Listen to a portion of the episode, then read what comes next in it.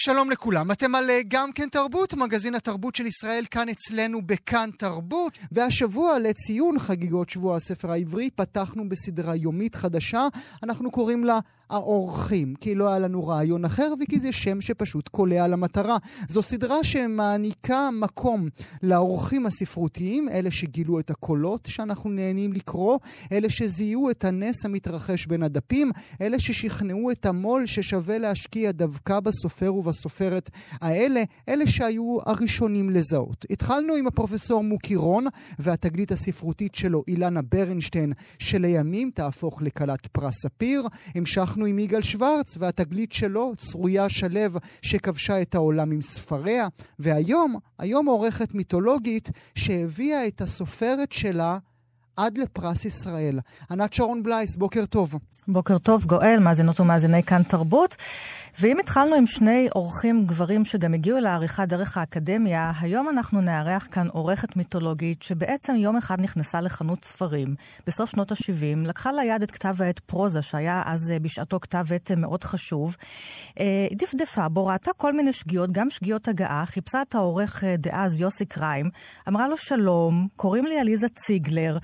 הספרות והשירה היא הדבר הכי חשוב בחיי, אני מוכנה לבוא לעבוד בהתנדבות. כדי שהכתב עת שלך יהיה יותר טוב. Mm. היא פשוט מצאה, היא פשוט מצאה שם המון טעויות.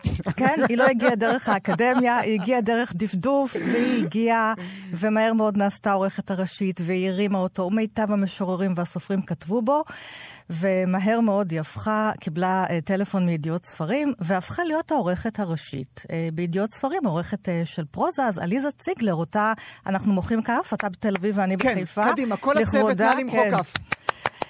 ונאמר שלום לעליזה ציגלר, העורכת. בוקר טוב. אהלן עליזה. כן, ויש עוד uh, קריירה רבה, עליזה נמצאת שם שנים רבות, אחר כך היא מחליטה לקחת פסק זמן, היא הולכת דווקא לטלוויזיה, היא תמיד הולכת לתחומים שהיא לא למדה ולא קשורה אליהם, עושה שם סרטים דוקומנטריים, ואז שוב חוזרת לידיעות ספרים, ושוב היא מייסדת שם uh, סדרת uh, פרוזה חדשה. ונאמר אולי שבין האנשים החשובים, אנחנו תכף נגלה מי זאת האורחת, הסופרת לצידה, יורם קניוק, אולי אחד האנשים שבאמת פרסמו בעיקר בקיבוץ המאוחד, היה סופר חשוב, איכשהו נדחק הצידה, ככה בשנות ה-80-90. הוא מגיע לעליזה ציגלר עם הכתב היד שלו, חיים על נייר הזכוכית, זו סצנת הג'אז בשנות ה-50. יורם קניוק נמלט לשם אחרי מלחמת העצמאות, הוא היה צריך קצת אוויר וג'אז. הוא הופך להיות סופר, הכי, אחד הכי אהובים על הקוראים, סצנה שלמה של יוצרים שעולים אליו לרגל, ולבסוף זוכה גם אה, בפרס. היא ממש הקימה את יורם קניוק לתחייה. הפכה אותו לאחד הסופרים הפופולריים, ובצדק. זכה עם תש"ח, נכון. כן, זכה עם תש"ח בפרס ספיר. עליזה, בוקר טוב. בוקר אור. איזה כיף שאת נמצאת איתנו הבוקר. כיף שאתם איתי. אה, בעינייך אותו מקצוע, אותו מקצוע עריכה, הוא מקצוע שבהכרח מותיר אתכם בין הצללים, או שזה לא חייב להיות ככה? אה, אני חושבת שכמו בהרבה מקצועות אחרים, זה באמת תלוי באישיות של, ה... של האדם שעומד מאחורי הסופרים, ואתם יודעים שיש אורחים ש... הם די בקדמת הבמה, ויש כאלה שמאחורי הקלעים. זה פשוט משתנה.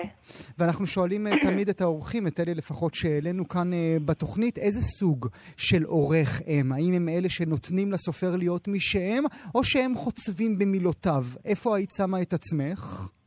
אני, נורא חשוב לי לתת לסופר להיות מי שהוא. לד... לי זה הכי חשוב, ולכן אני מודה שאם אני מקבלת... Uh, כתב יד שאפשר אה, לתאר שיש בו פוטנציאל ואפשר להוציא ממנו אה, אה, חומר ראוי, אבל הוא לא טוב, אה, אין, אין לי כוח לזה. Mm. אין לי כוח ואין לי רצון לעשות את זה. שכאילו, אתה יודע. תשב ותכתוב. תשב ותכתוב, או תלך למקום אחר. כן. אז כן, אם את אומרת תלך למקום אחר, מה פספסת במהלך הדרך? איפה טעית? תראה, זו שאלה ששואלים תמיד אה, מה פספסתי, ואני חושבת אה, שלא פספסתי, שגם כתבי יד שהיו אצלי ולא פרסמתי, מכל מיני סיבות, והצליחו במקומות אחרים, אני אף פעם לא הרגשתי שפספסתי, להפך, שמחתי בשביל הכותב שזה יתפרסם, כי חשבתי שזה ראוי, לא תמיד יכולתי לפרסם הכל. Mm-hmm. אבל אף פעם לא הרגשתי שזה פספוס נוראי שלי, זה לא עשה לי שום דבר רע, להפך. אז אה, לא, אין לי חרטות. אין, אין, לך, אין, ה, אין לך את הארי פוטר שלך ב, ב, ב, ב, ב, בהיסטוריה. לא, יש לנו הארי פוטר, אה, אתה יודע, שלנו, שאני הייתי בידיעות ואני ערכתי אותו. של ידיעות ספרים, כן. תגידי, אה, עליזה, הזכרתי קודם את אה, יורם קניוק, אבל גם את ניסים אלוני. את אה, חוברת לדורי פרנס, שהיה מאוד קרוב אליו, ואת מחליטה שאתם רוצים להוציא ספר עם כל הרשימות שלו, ובהמשך את כל המחזות שלו. את אומרת, יש חנוך לוין אצל מנחם פרי בספרייה החדשה, אבל יש גם את ניסים אלוני, עוד מחזאי גדול, ואת בעצם אומרת להוצאה פרטית שהכסף, השורה התחתונה, אגב השיחות שאנחנו מנהלים פה בשבוע הספר על הכסף והכסף, ואת גם מוציאה בעצם סוגת מחזות, מפרסמת לניסים אלוני. נכון. תראי, קודם כל, אלה היו זמנים קצת אחרים, ויכולתי לפנות, אז פניתי לגיורא עיני מקרן רבינוביץ', והוא פשוט הסכים לתמוך בי. אז אה, זה מאוד עזר לי מול ההוצאה, למרות שהייתי מוציאה את זה בכל מקרה, ולא היו אומרים לי לא. אני נורא שמחה שעשינו את זה, לא יכולתי לעשות את זה בלי דורי.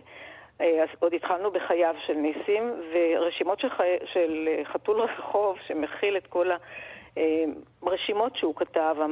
בעיתונות, רק אתמול נתקלתי במישהו שציטט רשימה שלמה כזאת, לא, לא כתבו שזה מתוך הספר, כתבו שזה מתוך עיתון הארץ, שזה פשוט רשימה נבואית ומדהימה ביופייה, זה, זה פשוט פנינים. אז התחלנו מזה, ואז התחלנו במחזות מהראשון ועד הלא אחרון. כי נתקענו כשעזבתי. כשעזבתי ההוצאה לא המשיכה. זאת אומרת, עדיין יש אה, מה להוציא לניסים אלוני, המפעל לא הושלם. האם יש מקקים בישראל שזה masterpiece? שרק עכשיו עלה על הבמה, כן. עכשיו עלה רק על הבמה, כן, בזכות מרת פורחומובסקי ודורי פרנס.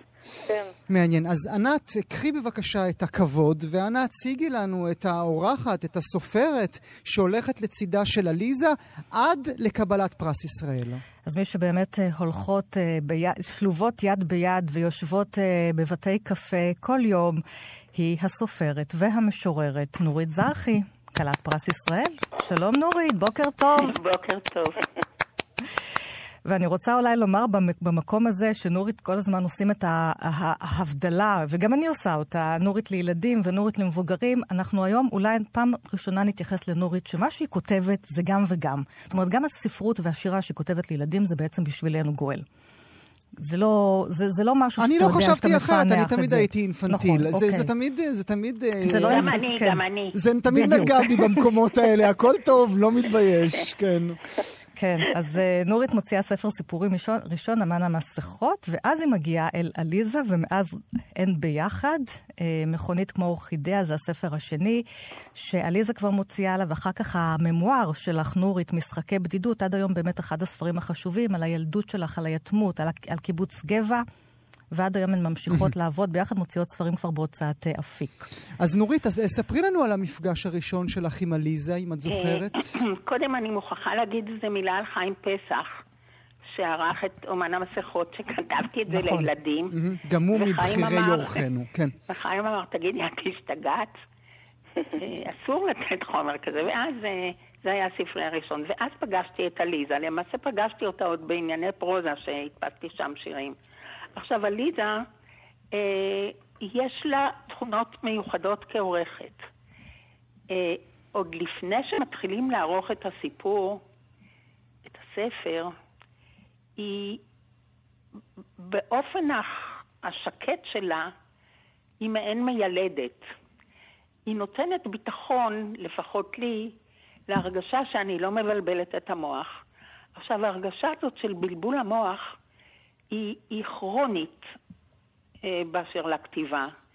כי מה כבר יכול בן אדם לכתוב בתוך העולם הזה שיש בו כל כך הרבה ספרים? אבל עליזה לא מרימה גבה, והיא ערכה אותי גם ב... בספרי הפרוזה כמו משחקי בדידות, ואחר כך נערות הפרובינציה, שזו הייתה ספרות אה, מקובלת.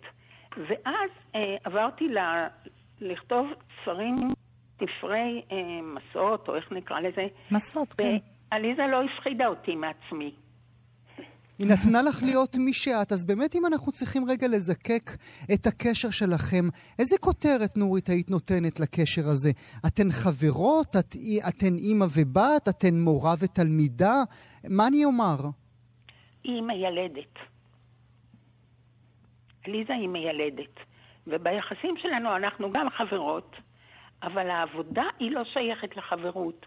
זאת עבודה מקצועית של בן אדם שיודע לערוך ספרים תוך כדי אה, החרשת האגו שלה, mm. ובמידה מסוימת החרשת האגו שלי, שזה לא פשוט. אה, עכשיו, הנושאים אף פעם לא מבהילים אותה, וגם הצורה הזאת שכתבתי את אה, בדידות או חידת הכפולים, היא לא נתנה לי להבין שעשיתי משהו אה, לא כל כך מקובל. כן, זה הספרים האחרונים שלך, ש... כן. שבאמת יש שם התכה של פרוזה ומסע ושירה. נכון, נכון. ועליזה לא, כמו שאמרתי, היא לא הפחידה אותי מעצמי. היא נתנה לי להבין שזה מקובל, שזה ז'אנר אה, סביר. והיא ככה ליוותה אותי עד הוצאת הספרים, ובאופן כזה היא הציגה את זה גם לפני המו"לים, שגם הם לא נבהלו, מה שקצת מפתיע. אמנם יפתח הוא לא נבהל, mm-hmm. יפתח זה הוצאת אפיק, הוא מטבעו לא נבהל כל כך מהר. אבל uh, עליזה עמדה לצידי בעניין הזה. אז עליזה, אשאל אותך ברשותך, לערוך ספר אה, למשה אבוטבול, משהו כזה, אה, שאיננו מוכר, או לערוך ספר לנורית זרחי עם כל מה שהשם הזה אומר, זה אותו דבר? זה אותו תהליך בשבילך? לא, זה, קודם כל זה ממש לא אותו תהליך, אבל אני יכולה להגיד שחוץ ממשה אבוטבול, גם זה לא דומה גם לעבודה עם אף אחד אחר.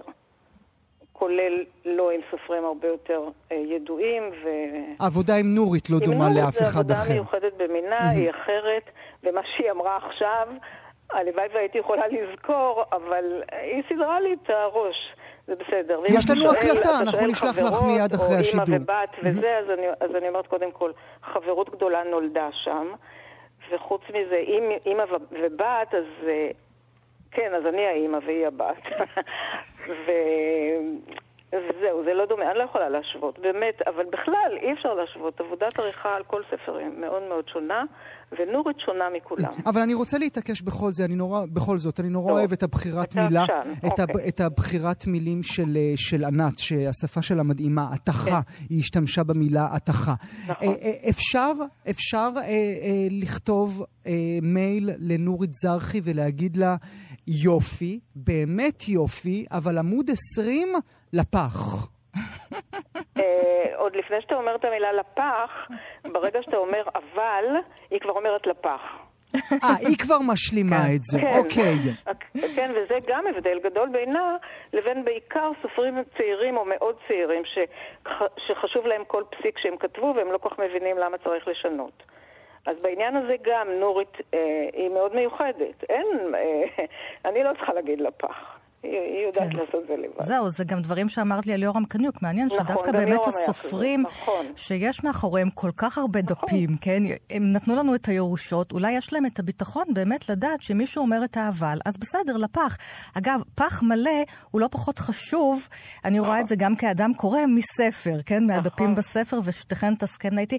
את יודעת מה, אני, לפני שנבקש ממך אולי באמת לקרוא דוגמה מהבד... מהספר בדידות, או ששם נרגיש את הפרוזה המיוחדת הזאת של נורית זרחי, בעיקר בשנים האחרונות, אני חושבת שאת אמרת עליה, אולי גם בהקשר של הספר הזה, שמה שנורית עושה, או שאמרתן ביחד, זה תבשיל מחושב. זאת הכתיבה שלה. עכשיו, תבשיל מחושב, אצל נורית מכשפות הן תמיד גיבורות, כן? נתחיל עם תנינה. נכון, נכון נורית? אז את מבשלת לנו אה, פרוזה מחושפת. אה, את שואלת אותי, אז אני אגיד שעליזה, בין שאר היתרונותיה, מצילה אותי מידי עצמי. כי ברגע שהיא מניחה את איתה על הטקסט, הוא מקבל איזו צורה של אובייקטיביזציה. אני הייתי יכולה לתקן אותו עד מוות, או מראש לזרוק אותו. לפח. אה, ועליזה מצילה אותי מזה. כן. היא משקפת אותי באופן שזה מתקבל על הדעת.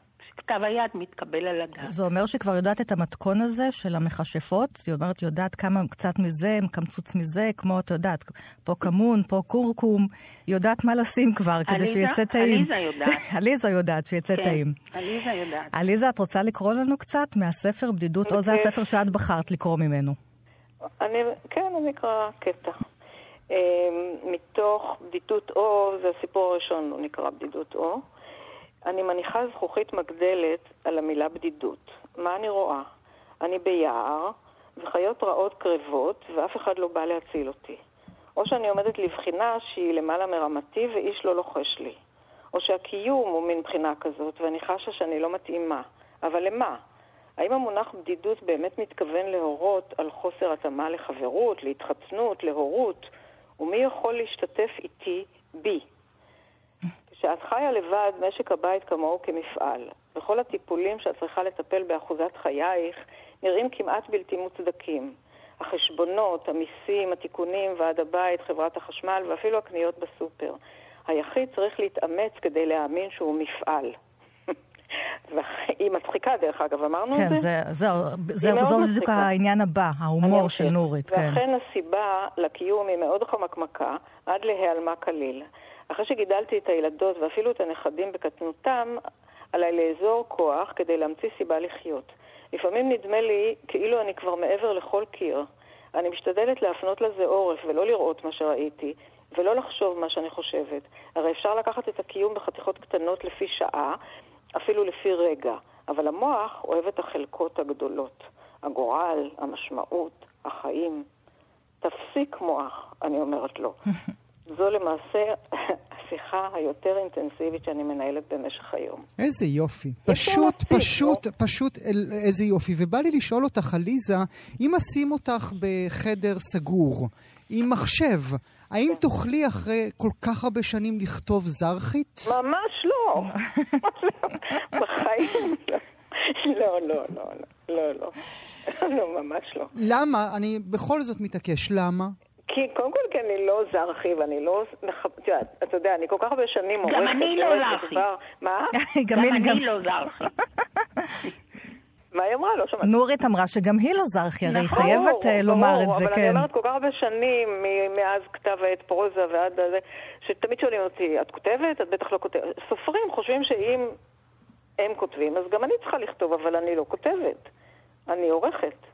אז אני... וזרחי, הגזמת לגמרי. זה ממש. תגידי, אה, אה, רציתי לשאול אותך, אה, היא מראה לך גם שירים או ספרי ילדים, שהם בדרך כלל הולכים כן, אז לאורחים אחרים? כן, בטח, היא מראה לי שירים? אבל אני די מהר, חוץ מהספרים שבהם השירים מופיעים יחד עם הסיפורים, אז אני לא עורכת שירה, אני הכרזתי על עצמי כלא עורכת שירה, גם בפרוזה לקחתי מישהו שיערוך שירה, אבל למרות שהוצאתי פה ב... בידיעות, הוצאתי ספרי שירה וגם ערכתי אותם, אבל אני לא. עכשיו, מה שאני רוצה להגיד כדי להפתיע אתכם ולשמח אתכם, אני לא יודעת אם אתם זוכרים, יצא הספר הפנטסטי הגדול, כן. בידיעות, עם ציורים של רוטו, שאני התחלתי אותו, אבל כשהוא יצא כשכבר עזבתי, ועכשיו אנחנו מוציאות בכנרת, זמורה, אה, עוד ספר אחד כזה, עם ציורים של פולונסקי. וואו. עם עשרה סיפורים, אתם תמותו. את יודעת. זה, זה כמובן שזה גם לגדולים. נורית, אה, יום אחרי אה, הזכייה בפרס ישראל, החיים משתנים? או, לא. חבל. חבל. לא, לא, לא נהיים גבוהים יותר ו... לא, ו- אבל, אה, אבל מה זה נכון, הפרס מתקרב אליי לאט, אבל הוא מתקרב אליי. ולפעמים אני אומרת לעצמי, בשעות ש... או שאני לא זוכרת את שמי, או ש... נגיד שאני לא זוכרת, לא נגיד, אלא נגיד שבשעות שאני לא זוכרת את שמי, אז אני אומרת, תשתקי, קיבלת פרס ישראל. אז אני אומרת לעצמי, "אה, באמת את טיפשה, כל כך הרבה אנשים מגיע להם פרס ישראל. נתראה, נפל עלייך, אבל, אה, אבל איך שלא יהיה, זה מרים אותי מעפר, ואני אומרת לעצמי, אם יש אנשים שככה חשבו, אז אה, אני צריכה לתת לזה קרדיט. איפה שמת את ה... מה מקבלים שם? איזה מין פלאק כזה, נכון? מין תעודה משהו... כזאת. איפה שמים אותה? אני, אני אגיד את זה, אבל בלחש. זה עוצר את הדלת. הנה הזרחיות, הנה הזרחיות. בבקשה. באופן, באופן הטהור דלת? ביותר. איזה דלת? של חדר השינה? של הסלון? של המרתף? זה עובר דלתות ברגע זה של חדר שינה. כי מה? כי, כי זה בכל זאת אומר משהו. כי מה, נורית? כי לא צריך אה, לזכור את פרס ישראל. זה, א', זה מפחיד.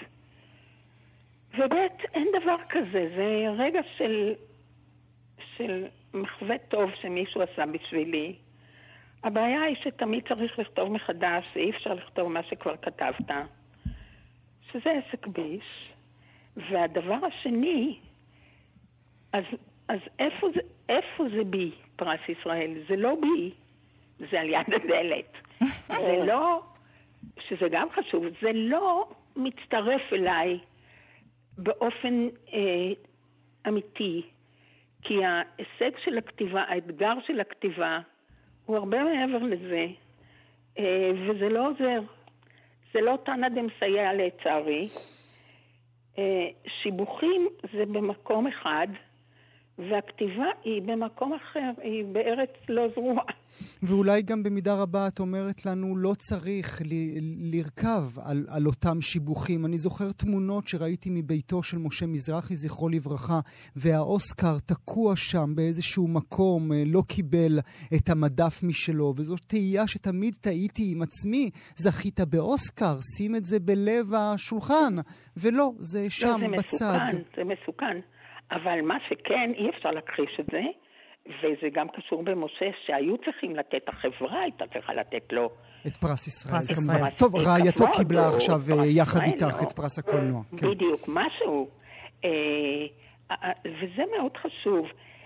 אפשר בקלות ליפול אל השכחה מבחינת מה שעשית. יש נטייה לזמנים הם שוחים ודוחפים אותך אחורה עם הרגליים.